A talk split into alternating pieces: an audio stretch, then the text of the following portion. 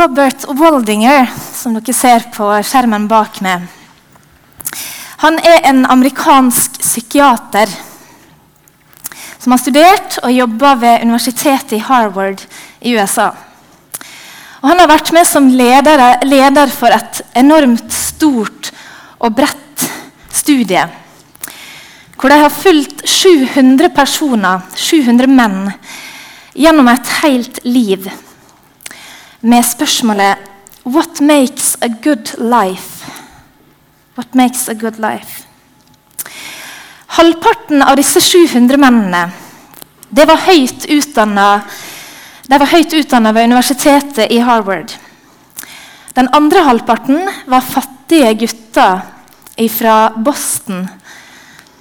Fra et belasta område med mer eller mindre trøblete oppvekstvilkår og lav utdannelse. Og Underveis i dette studiet, i løpet av 75 år, så har de på ulike måter undersøkt disse personene for å få svar på dette spørsmålet What makes a good life? De har intervjua dem, og de har intervjua et flertall av familiemedlemmene deres. Vennene deres. De har kontrollert legejournaler, de har fulgt sykdomshistorien til hver enkelt. De har fulgt med i karrieren deres, i deres sosiale liv. Og Dette har resultert i titusenvis av sider med notater og forskningsresultat. Og Disse 700 mennene har levd 700 svært ulike liv. Noen av dem ble suksessfulle businessmenn. Noen ble industriarbeidere. Noen utvikla alkoholmisbruk. Noen fikk diagnosen schizofreni. Noen var i livslange ekteskap, mens andre var i flyktige relasjoner. Og Hva har Robert Waldinger og de som han har studert dette sammen med, hva har de funnet ut? Hva har de lært? What makes a good life? Jo, det vi har lært, sier Robert Waldinger, det handler ikke om penger det handler ikke om berømmelse, utdannelse, hjernekapasitet eller om å jobbe hardere og hardere. Den tydeligste lærdommen som vi fikk gjennom 75 år og titusenvis av timer med forskning, det er gode relasjoner gjør oss mer glad, friskere og sunnere. Og Så kom de fram til tre punkt som kommer opp bak meg ett og ett. Det første punktet er Social connections are really good for us. Loneliness kills us. Sosiale relasjoner er virkelig godt for oss. Ensomhet tar livet av oss. Og nummer to You can be lonely in friendships and in marriage. It is the quality of the friendship that matters. Du kan være ensom i vennskap og i ekteskap, men det er kvaliteten på relasjonen som betyr noe. Og nummer tre Living in the midst of good, warm relationships is protective. Å leve midt i gode, varme relasjoner er beskyttende. Så hvorfor starta jeg talen min med å ta dere gjennom et forskningsprosjekt? Jo, først og fremst fordi at livet, historien, har lært oss og mange før oss, og mange før Robert Waldinger og hans forskningsprosjekt, at vennskap og relasjoner er viktig for oss. Og Det er ikke bare forskning og vitenskap som har vist oss det. Dette har Gud sett og visst helt fra starten av, helt fra skapelsen. Relasjoner er viktig for oss, og det er viktig for Gud. I kveld er temaet vennskap. Og jeg tror dette er et tema som på et eller annet vis angår alle oss som sitter her. Foran meg sitter det 300, kanskje 400 ulike liv. Med ulike erfaringer med vennskap. Og Kanskje dukker det nå umiddelbart opp noen personer i din tanke som du tenker på som er dine venner. Eller kanskje dukker det opp tanker om et havarert vennskap. Noen som du en gang sto veldig nær, men der relasjonen ble ødelagt. Eller kanskje er det nemlig gode venner som du dypest sett lengter etter, men som du opplever at mangler i ditt liv. En ensomhet. Jeg håper at jeg på en eller annen måte kan få si noe til alle, alle dere i kveld. Så helt fra begynnelsen så har Gud skapt oss med et behov for fellesskap. For å ha et sted å høre til. Allerede i første Mosebok, i det første kapitlet i Bibelen, så sier Gud da han hadde skapt Adam Det er ikke godt for mennesket å være alene. Jeg vil lage en hjelper av samme slag. Gud så faktisk allerede da at vi har behov for hverandre. Noen å knytte oss til, noen å være i en relasjon med. Og Jeg liker veldig godt at i det verset her så står det, at, så står det ordet 'hjelper'. For jeg tror at vennskap handler bl.a. om det.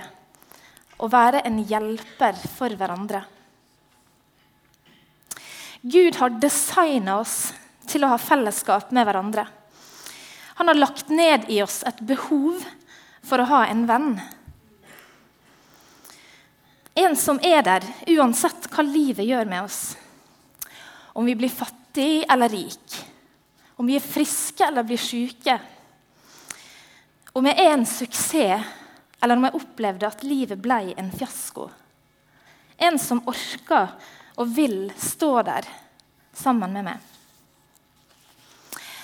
Så da blir spørsmåla i kveld hvordan kan vi skape gode, dype vennskap? Hva bygges de på? Og kan Bibelen og Jesus lære oss noe om det? Og Vi skal se på, på disse spørsmålene her med utgangspunkt i en tekst fra Markusevangeliet, kapittel 2. Jeg leser. Noen dager senere kom Jesus igjen til Kapernaum, og det ble kjent at han var hjemme. Det samlet seg så mange at de ikke fikk plass, ikke engang utenfor døren. Mens han forkynte ordet for dem, kom de til ham med en som var lam. Det var fire mann som bar ham, men de kunne ikke komme fram til ham pga. trengselen. Og Derfor brøt de opp taket over stedet der han var, laget en åpning og firte ned båren som den lamme lå på. Da Jesus så deres tro, sa han til den lamme, 'Sønn, syndene dine er tilgitt.' Nå satt det noen skriftlærde der, og de tenkte med seg selv. Hvordan kan han si slikt? Han spotter Gud. Hvem andre kan tilgi synder enn én? Det er Gud. Straks, straks, visste Jesus i sin ånd at de tenkte slik, og han sa til dem.: Hvorfor går dere med slike tanker i hjertet? Hva er lettest å si til den lamme? Syndene dine er tilgitt? Eller stå opp, Ta båren din og gå. Men for at dere skal vite at menneskesønnen har makt på jorden til å tilgi synder. Og nå vender han seg til den lamme. Jeg sier deg, stå opp, ta båren din og gå hjem. Og mannen reiste seg straks, tok båren og gikk rett ut rett for øynene på dem. Og så ble alle ute av seg av undring. De priste Gud og sa, noe slikt har vi aldri sett. Jeg vet ikke med det, men når jeg har hørt denne teksten tidligere, så har jeg kanskje ikke hørt så mye at den handler om vennskap. Den handler vel strengt tatt mest om Jesus, hans kraft til å helbrede og hans frelse. Og det handler den virkelig også om. Jeg skal komme innom det mot slutten. Men i dag skal vi prøve å se på den teksten her kanskje på en litt ny måte. For jeg tror nemlig at den teksten her kan fungere som en modell for oss når det gjelder dype, forpliktende vennskap. Så For å repetere litt om historien. Jesus returnerer altså nå til Kapernaum, en by som ligger ved Genesaretsjøen. Og dette her er på en måte Jesus sin egen hjemby. Det var her han bodde mesteparten av tida si. Folk vet altså i Kapernaum veldig godt hvem Jesus var. Noen har møtt han før, og de aller fleste har hørt om de utrolige historiene om Jesus som har vekt opp døde, som har gjort friske, som har gjort syke friske, og som har møtt mennesker som har vært på utsida av samfunnet på en helt spesiell måte. Og Nå samler de seg i enorme mengder i huset der Jesus er. Og ikke bare i huset, men det stimla seg folk rundt huset og langt utover i gatene. Det var stappfullt. Så er det altså fire menn som har tatt med seg sin kompis, sin kamerat, som mest sannsynlig over flere år har vært lam. Og De fire vennene kjemper seg fram i denne enorme folkemengden og skjønner etter hvert at den letteste måten å komme helt fram til Jesus på, er faktisk via taket. Og så får de trengt seg fram opp på taket og får firt Jesus ned. Nei, få den lamme mannen ned rett foran Jesu føtter. Og så har jeg lyst til at vi nå skal plassere oss sjøl inn i den historien her. Så skal jeg prøve å bruke bildet fra denne teksten med denne båren som de bar den lamme mannen på. Og så har jeg lyst til å stille to ganske enkle spørsmål fra den teksten, med den teksten som bakteppe. I ditt liv og i dine relasjoner, i dine vennskap, hvem sin båre bærer du? Hvem sin båre bærer du? Det er mye vi ikke vet helt eh, eksakt fra den teksten. her. Vi vet egentlig ikke hvor lenge denne mannen har vært syk. Om han har vært det hele livet, om han har vært det bare noen år. Og vi vet egentlig heller ikke hvor lenge disse fem mennene, de fire som bar han, og han som lå på båra, hvor lenge de har vært venner. Men det vi ser i denne historien her, er fire mennesker, fire kamerater, som har forplikta seg på en helt spesiell måte til å være venner for den mannen her. De strekker seg veldig langt for å ta denne vennen sin til Jesus. Bokstavelig talt så går de noen ekstra mil for kameraten sin. Og jeg tror Et av punktene som vi kan lese ut fra denne historien, her, det er at gode venner oppdager behov hos den andre. Gode venner oppdager behov. Jeg vet ikke med den lamme mannen her. Jeg vil tro han ikke så veldig ofte var ute i gatene i Kapernaum. På den tida her var det forbundet med skam å være syk og på en eller annen måte vise svakhet på den måten som han viste svakhet på. Mest sannsynlig hadde han kanskje ikke sett Jesus sjøl. Kanskje hadde han hørt et veldig fjernt rykte om denne mannen som kunne gjøre utrolige ting. Men det som skjer er at disse fire vennene de har hørt om Jesus. De har hørt om helbrederen.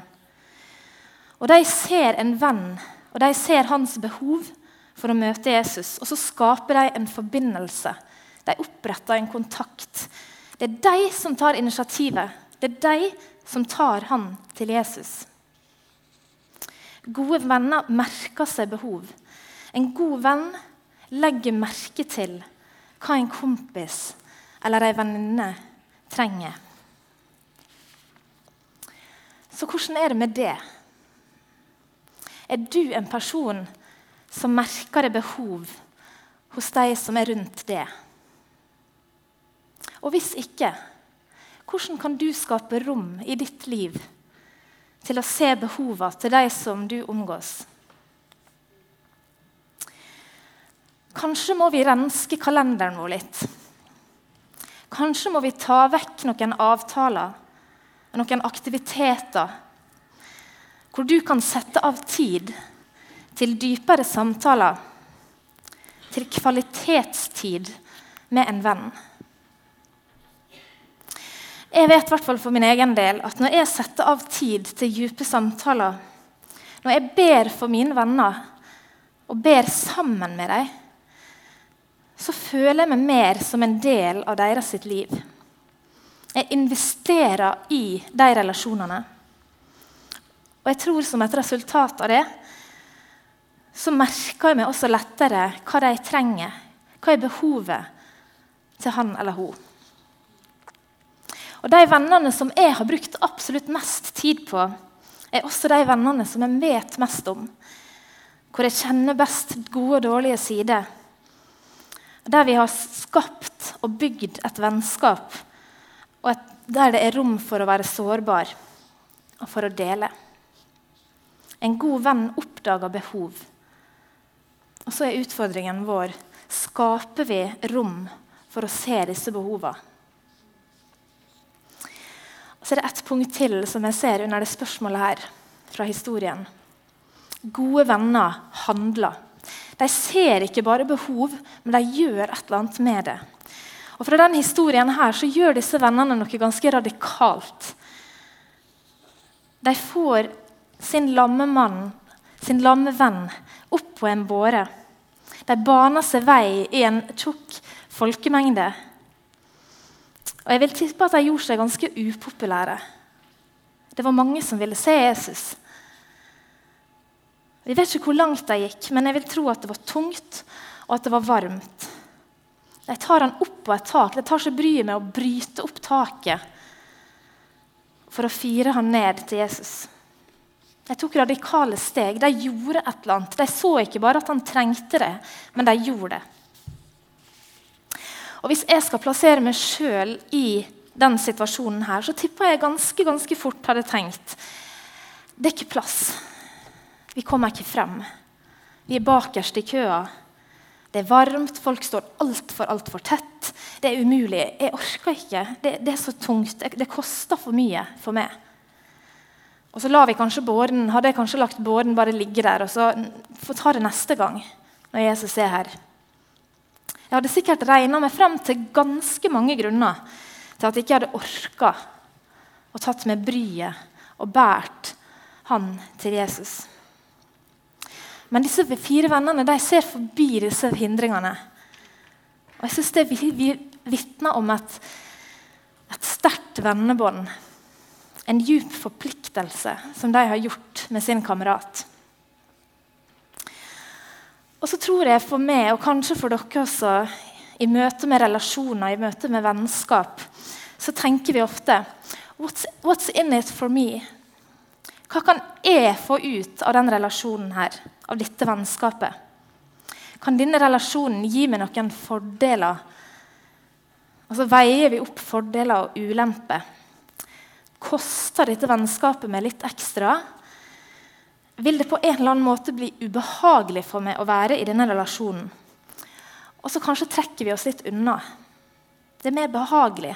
Det koster litt for mye. Disse vennene fra historien fra Kapernaum de, de brydde seg egentlig ikke om hva det kosta. For å få kameraten sin ut av den situasjonen som han var i. De trossa noen ganske åpenbare hindringer for å få han til Jesus. Så hva er din reaksjon når du oppdager en venn sitt behov? Og hva er min reaksjon? Legger vi merke til behovene? Og gjør vi noe med det hvis vi ser det?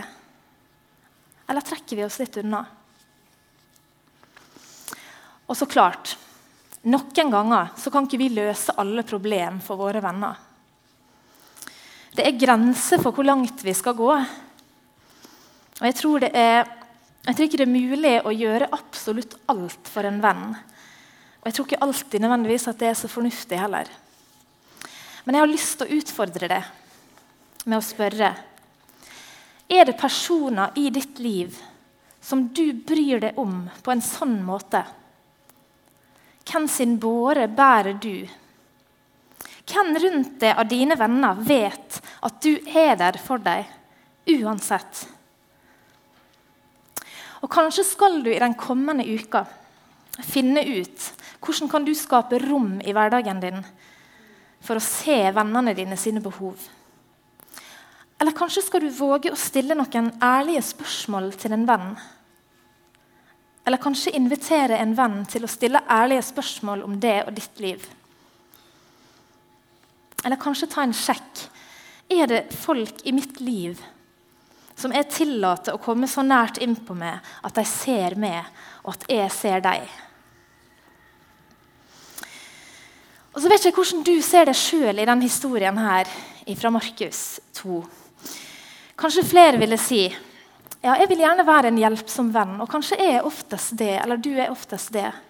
Jeg er liksom den sterke, støttende typen. Og det er veldig bra, for vennene dine trenger en sterk, støttende type. Og kanskje oftest er du der, og i perioder i livet så er vi nok alle der. Men så tror jeg av og til vi har en annen rolle i denne historien. her. Rollen til den personen som ligger på båra, den lamme mannen. Fordi vi kan ikke alltid være den sterke. Alle av oss har tidspunkt i livet eller perioder hvor vi er svake, og hvor vi trenger at noen bærer vår båre. Så det andre spørsmålet til historien det blir hvem er det som bærer din båre? Hvem bærer din båre? For jeg tror at alle har ting i livet som vi gjerne ønsker ikke skulle vært der. Som vi egentlig ønska skulle vært skjult for absolutt alle. Vi bærer på skam, på følelser som holder oss nede, på synd, på skyld, skuffelser og sår som gjør skikkelig vondt. Kanskje er det brutte relasjoner eller sykdom, konflikter på jobb. Kanskje har du mista en jobb, eller kanskje kom ikke du inn på det studiet som du jobba så hardt for å komme inn på i høst. Skuffelsene dine. I disse situasjonene i livet ditt, hvem er det som bærer din båre? Hvem, til, hvem tillater du å se det når du er på ditt svakeste? Og Vi liker kanskje ikke å innrømme det, men jeg tror vi alle har plasser og steder i livet eller perioder der vi trenger at andre bærer oss. En liten historie. I fjor høst, høsten 2015, så ble det gjennomført et kunstprosjekt i England. I byen Brighton i England. Det ble kalt The Waiting Wall. Og Den fant sted på togstasjonen i Brighton. En stor togstasjon der det vandra forbi tusenvis av folk hver eneste dag. Og Prosjektet gikk ut på at det ble laga ei stor tavle rett over den tavla der alle togtidene står. Altså en veldig sentral plass på togstasjonen. Mange ser dit. Og så inviterte disse som, de, som hadde dette kunstprosjektet, folk til å sende inn via SMS eller mail eller via en nettside det absolutt innerste de bar på. De innerste tankene, en frykt de hadde, eller bekymringer i livet. Bekjennelser. Ting som de aldri har turt å sagt til noen andre. Og De som administrerte dette prosjektet, de fikk enorm respons. I løpet av ett døgn 24 timer, så fikk de tusenvis av meldinger fra folk som sendte inn og som delte bekjennelser det absolutt innerste som bodde i dem. Og Etter hvert så rullerte disse her, eh, meldingene på denne store tavla. Tusenvis av meldinger. Så folk på Brighton togstasjon så opp på denne tavla og fikk se folk sine innerste tanker. Jeg skal vise noen eh, hvis det går an å lese. Jeg leser det på norsk, men det står på engelsk. Noen ganger vil jeg heller dø enn å gå gjennom det som jeg går gjennom nå. Jeg er redd for forandring. De fleste netter ligger jeg våken og får panikk fordi livet ble ikke sånn som jeg hadde planlagt. Barnet mitt hadde vært ti år nå om jeg ikke hadde tatt det bort da det var ni uker. Jeg tror ikke jeg nok en gang kommer til å stoppe å føle meg så alene. Og mange, mange flere. Sånn rullerte det. Her hadde de altså fått en mulighet til å dele ting, sår i livet, hemmeligheter, frykt, skyld. Og så fikk de slengt det opp på en gigantisk tavle på en togstasjon. På den måten så slapp de på en måte å avsløre hvem de var. De slapp frykten for at noen skulle stikke av hvis de fortalte det her. Eller for at noen skulle dømme dem. Og Folk som gikk på Brighton togstasjon, stoppa opp. og De ble så fascinert. Folk mista toga sine. De, de kikka og kikka og kikka og sto der i, noen i timevis. For de ble bare så fascinert. Og Skaperne av dette kunstprosjektet de sa i etterkant av prosjektet det virker som det er et universelt behov vi har for å dele problem og innerste tanker i oss. Og jeg tror det. Jeg tror det fins et universelt behov for oss å dele det som bor inni oss. Men hva om det fins en bedre måte å gjøre det på? En måte å kunne dele det som bor i oss, uten å få slengt det opp på en stor vegg på en togstasjon foran tilfeldig forbipasserende som du ikke kjenner. Jeg tror at gode, nære relasjoner er en bedre ramme for å dele av oss sjøl på en sånn måte. I små fellesskap, i trygge omgivelser og kanskje var det nettopp det mange av disse personene som sendte inn meldinger i dette prosjektet, mangla. Mest sannsynlig så var ikke dette, å, å, å, dele dette her det var ikke livsforvandlende for dem. Kanskje litt kick å bare sende det. Kanskje litt sprøtt å se det opp på ei stor tavle. Men det de egentlig dypest sett trengte, det var en venn som kunne høre og tålte å høre det som de delte. Jeg vet ikke hvem du kaller dine venner, som du har tilbrakt så mye tid sammen med at, at livet deres har kommet i så nær kontakt at en våger å åpne seg. Et vennskap som tåler å høre om de vonde tankene, om de største nederlagene. Og som tåler å se det når du, når du er den som ligger på båren for å bruke det bildet. Jesus hadde også nære venner.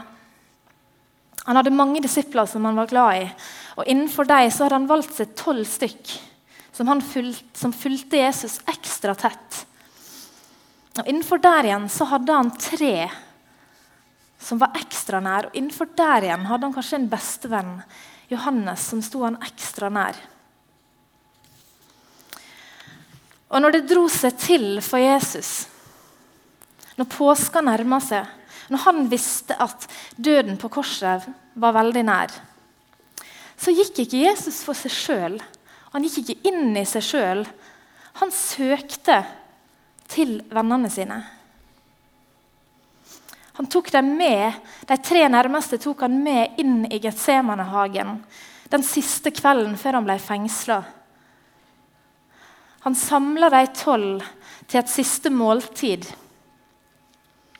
Jesus søker vennskap når han har det vanskelig, når han hadde det tungt, når han venter på å dø. Og Så sier han i Lukas 22, 14 til vennene sine.: Jeg har lengtet etter å spise dette måltid sammen med dere. Han søkte til vennene sine. Og så er det noen ganger sånn at vi sårer hverandre, også som venner. En som du sto veldig nær en gang, men som nå du har svikta, eller som har svikta det. Jesus har erfaring med det også. Det svei etter hvert ganske kraftig i noen relasjoner i Jesus sitt liv. Peter, som banna på at han på at han kjente Jesus. Han hadde ikke noe med Jesus å gjøre. Judas som løy og svikta han.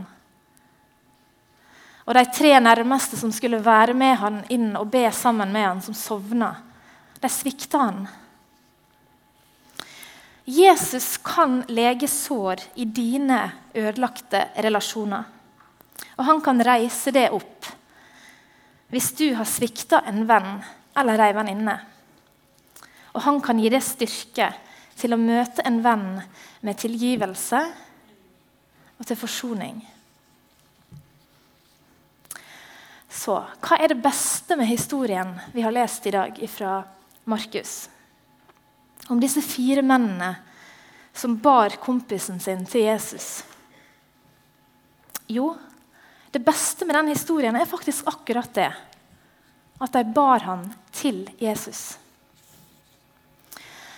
Og til sjuende og sist så er det det absolutt viktigste vi kan gjøre for hverandre.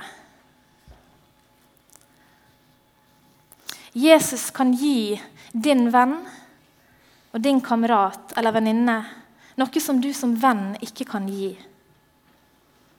Jesus er den som kan møte oss som ingen andre.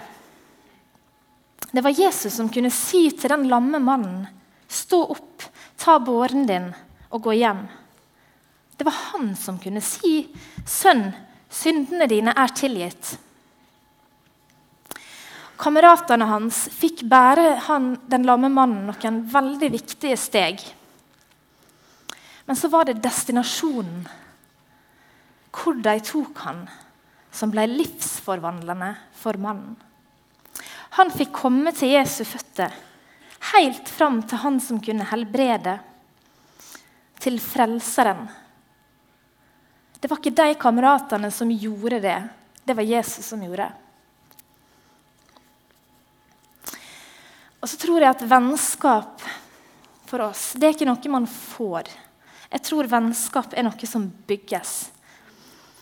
Det handler om investering, om å ta initiativ, om å legge ned seg sjøl noen ganger. Å våge å være sårbar. Om å tåle hverandres oppside og nedside over tid. Og Kanskje er du en av de som jeg nevnte i starten, som kjenner på en ensomhet. Ikke, at du ikke har en del av en sånn type relasjon som jeg har snakka om nå. Der man deler, der man kan vise seg sjøl, og der man kan ta hverandre til Jesus. Og Da har jeg lyst til å utfordre deg på å våge å investere. Bruke tid sammen med noen som du kan vokse nærmere. Jeg tror Jesus har kalt oss til å tjene Han, også i relasjonene til hverandre. Noen ganger skal vi bære båren til vår venninne eller vår kamerat. Og andre ganger så trenger vi at de bærer vår båre. Og jeg tror at vennskap kan romme begge deler.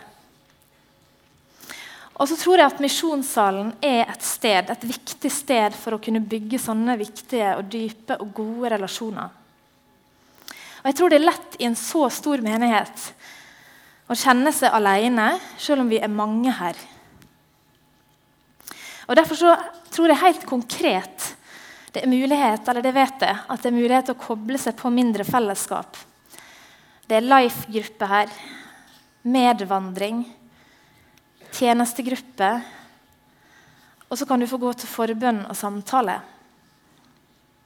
Benytt deg av det en vei inn i gode vennskap. Og så det viktigste til slutt.